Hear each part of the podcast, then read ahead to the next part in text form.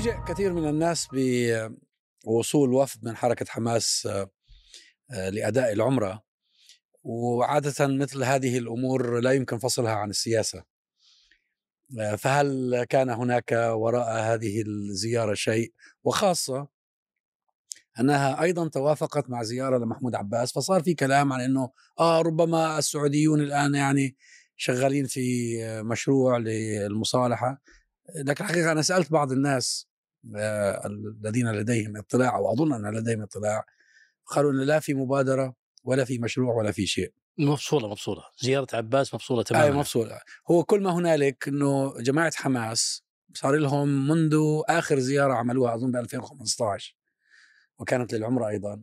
كل سنة في بداية رمضان يحاولون الحصول على موافقة لأداء العمرة.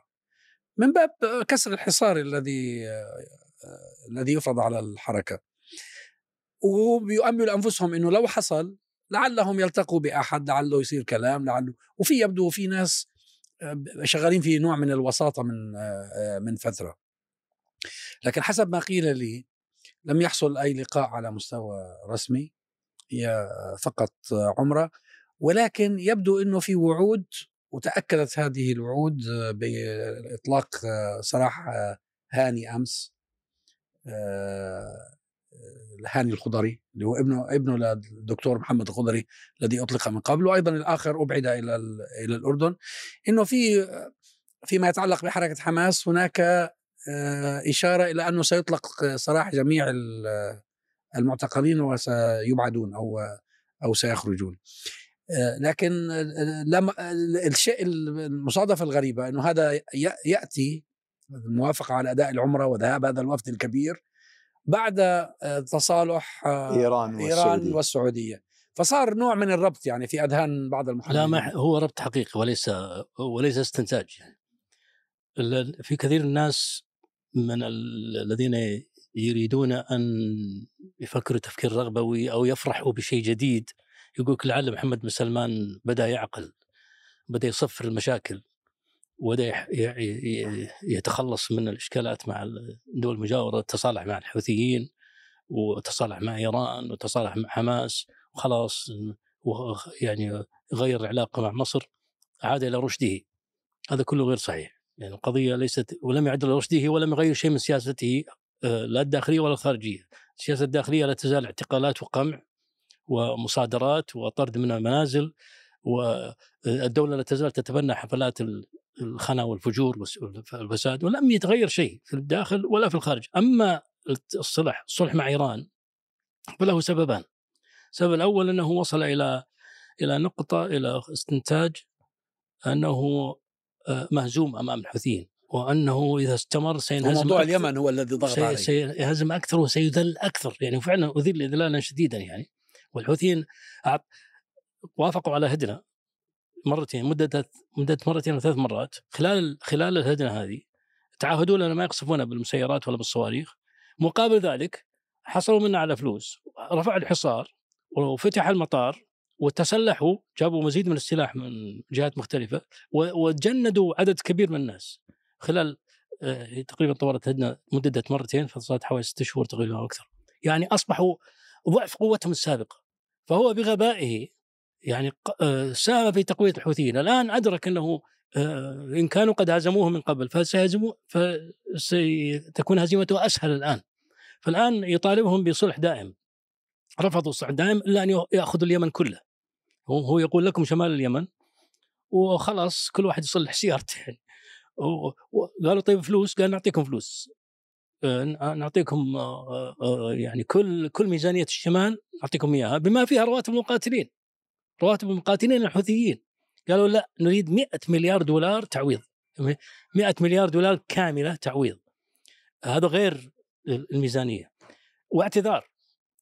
قال قالوا لا قال اذا اذا نسوي نمدد الهدنة. قال مدد الهدنة نحط نضع آه، قوات آه، قوات دولية. مثل الهدنة اللي كانت بين مصر وإسرائيل قبل قالوا القوات الدوليه ما فيه لأنهم لا يريدون حاجز بينهم وبينه حتى أو بينهم وبين بقية اليمن حتى متى ما قرروا يغزون فلم يتفقوا على هدنه ولم يتفقوا على صلح دائم فهو لجأ إلى الإيرانيين حتى يضغطوا عليهم حتى يقنعوهم. الإيرانيون آه، دهات وافقوا وأعطوه يعني باللسان حلاوة وطريقتهم مثل طريقة الإسرائيلي مع الفلسطينيين.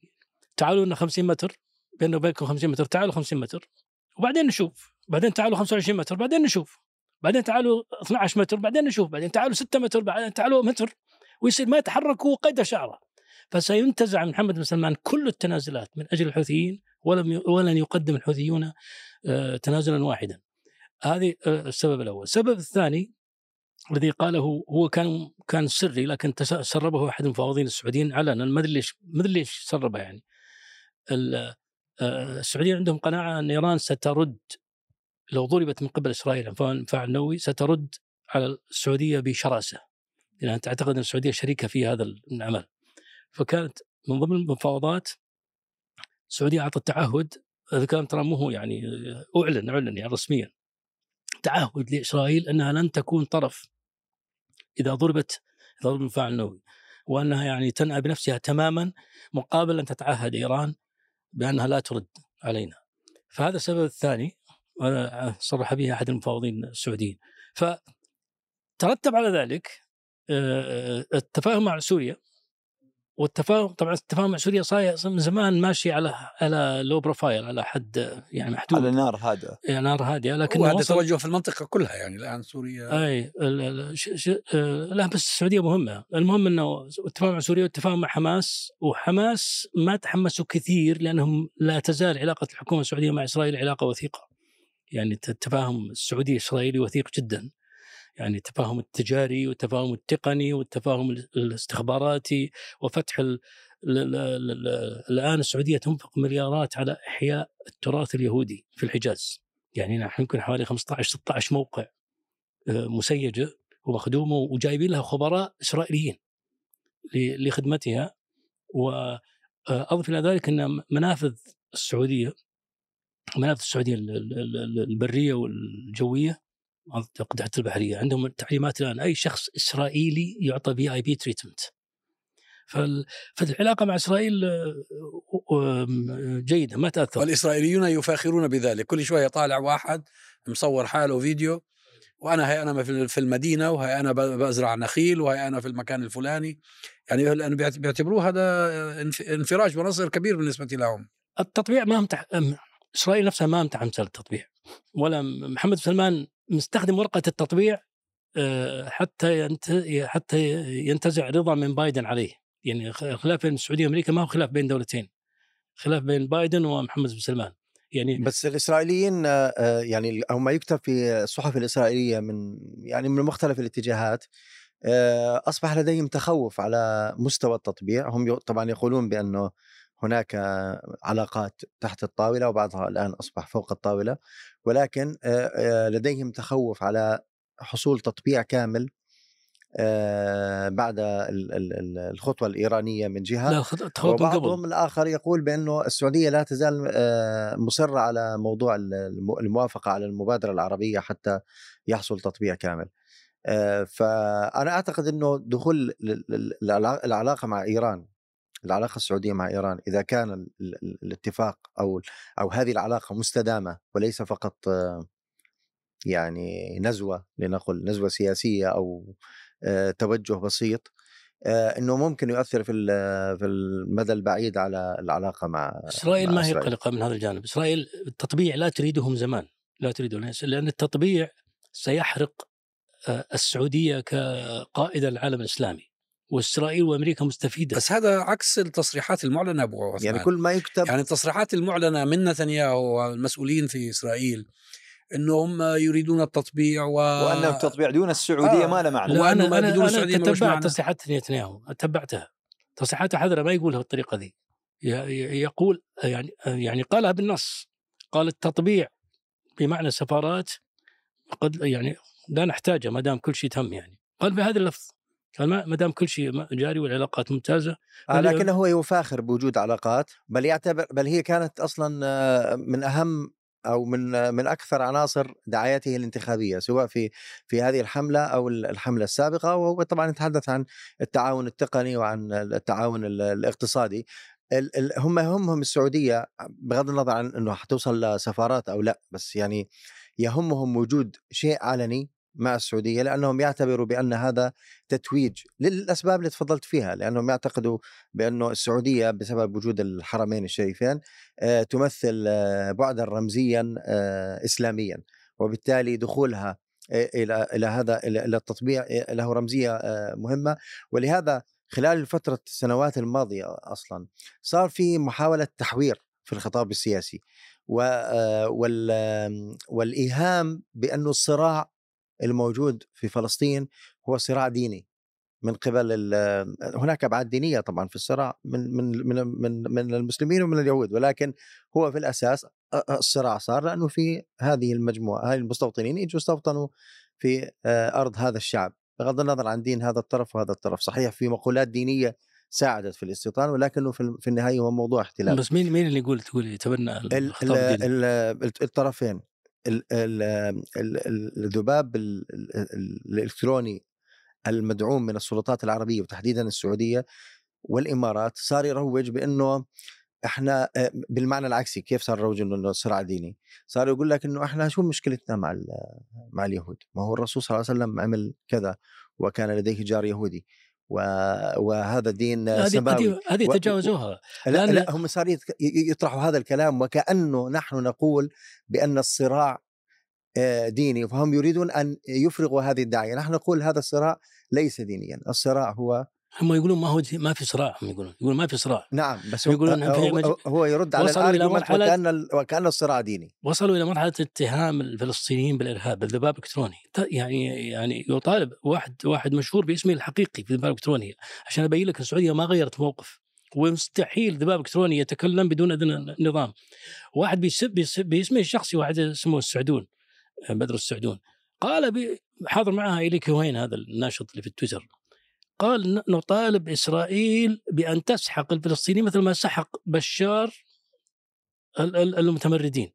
بشار قتل مئة ألف. يعني أنتم ما يحتاج تقتلوا اقتلوا 20 ألف هكذا يتكلم.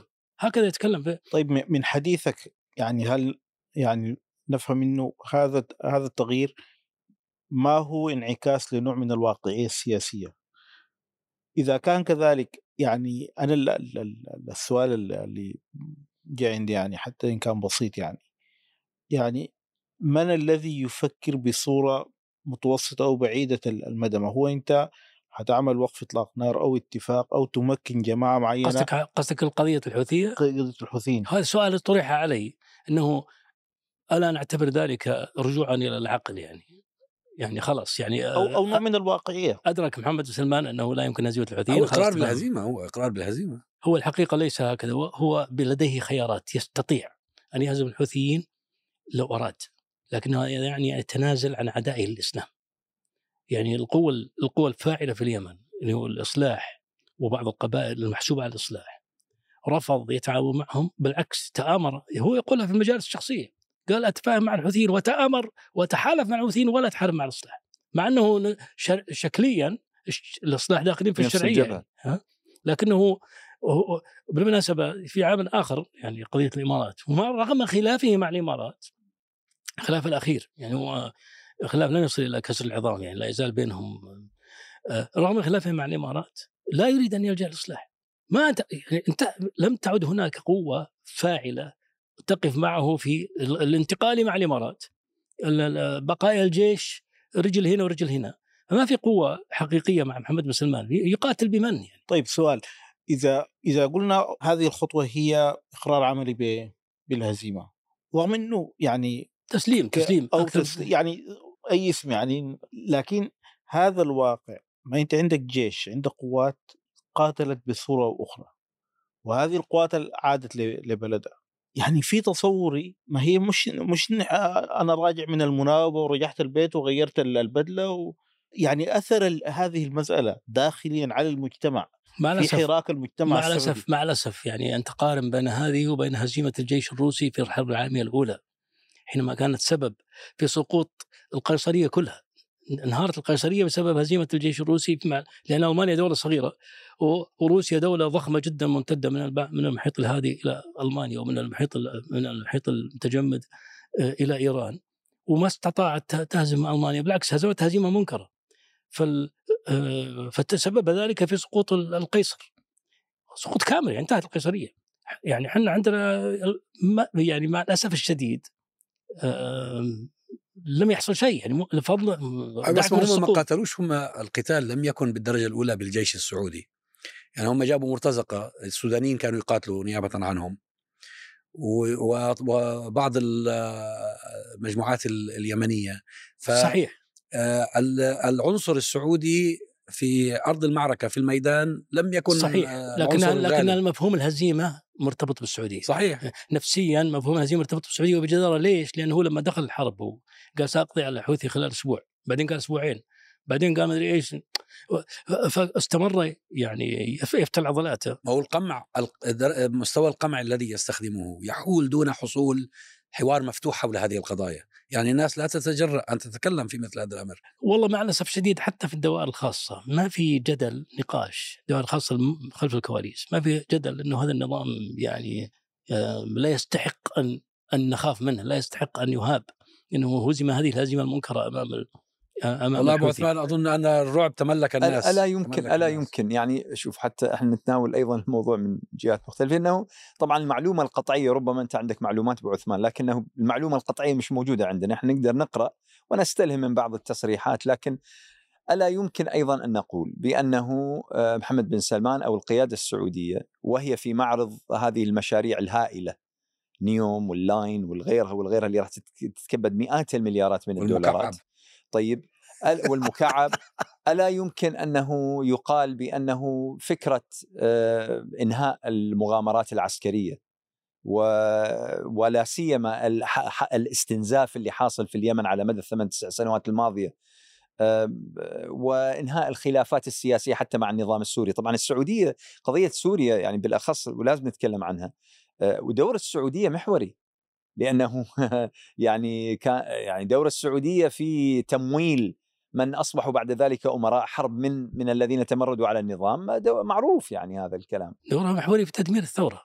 هي ما خدموا النظام. أنا معاك طبعا 100% ولكن قصدي وين؟ قصدي أن السعودية انبرت كالخط الامامي دور أساسي الخط الأمامي أمام بس الآن النظام. الآن ما لهم دور. الآن فالقصد ألا يمكن أن نقول ألا يمكن أن نقول بأنه القيادة السعودية الآن تفكر تقول إحنا في معرض مشاريع راح تكلفنا مئات المليارات وإحنا الآن نريد نحدث البلد، إحنا نريد الآن نسوي نفتح البلد، نسوي مكان للحفلات الراقصة وغيرها وغيرها ومقابل ذلك لا نستطيع أنه نصرف عشرات ومئات المليارات على حروب وعلى صراعات وخلافات سياسية. خاصة يمكن أن خاصة, ذلك؟ خاصة إنه هو جهوده فيها أخفقت، لكن أنا أضيف إلى تساؤلك تساؤل آخر إنه ما علاقة ما يجري حاليا من إعادة تموضع وما يظهر إنه هو تغير في الأولويات وفي الخيارات بالأزمة بين السعودية والإمارات.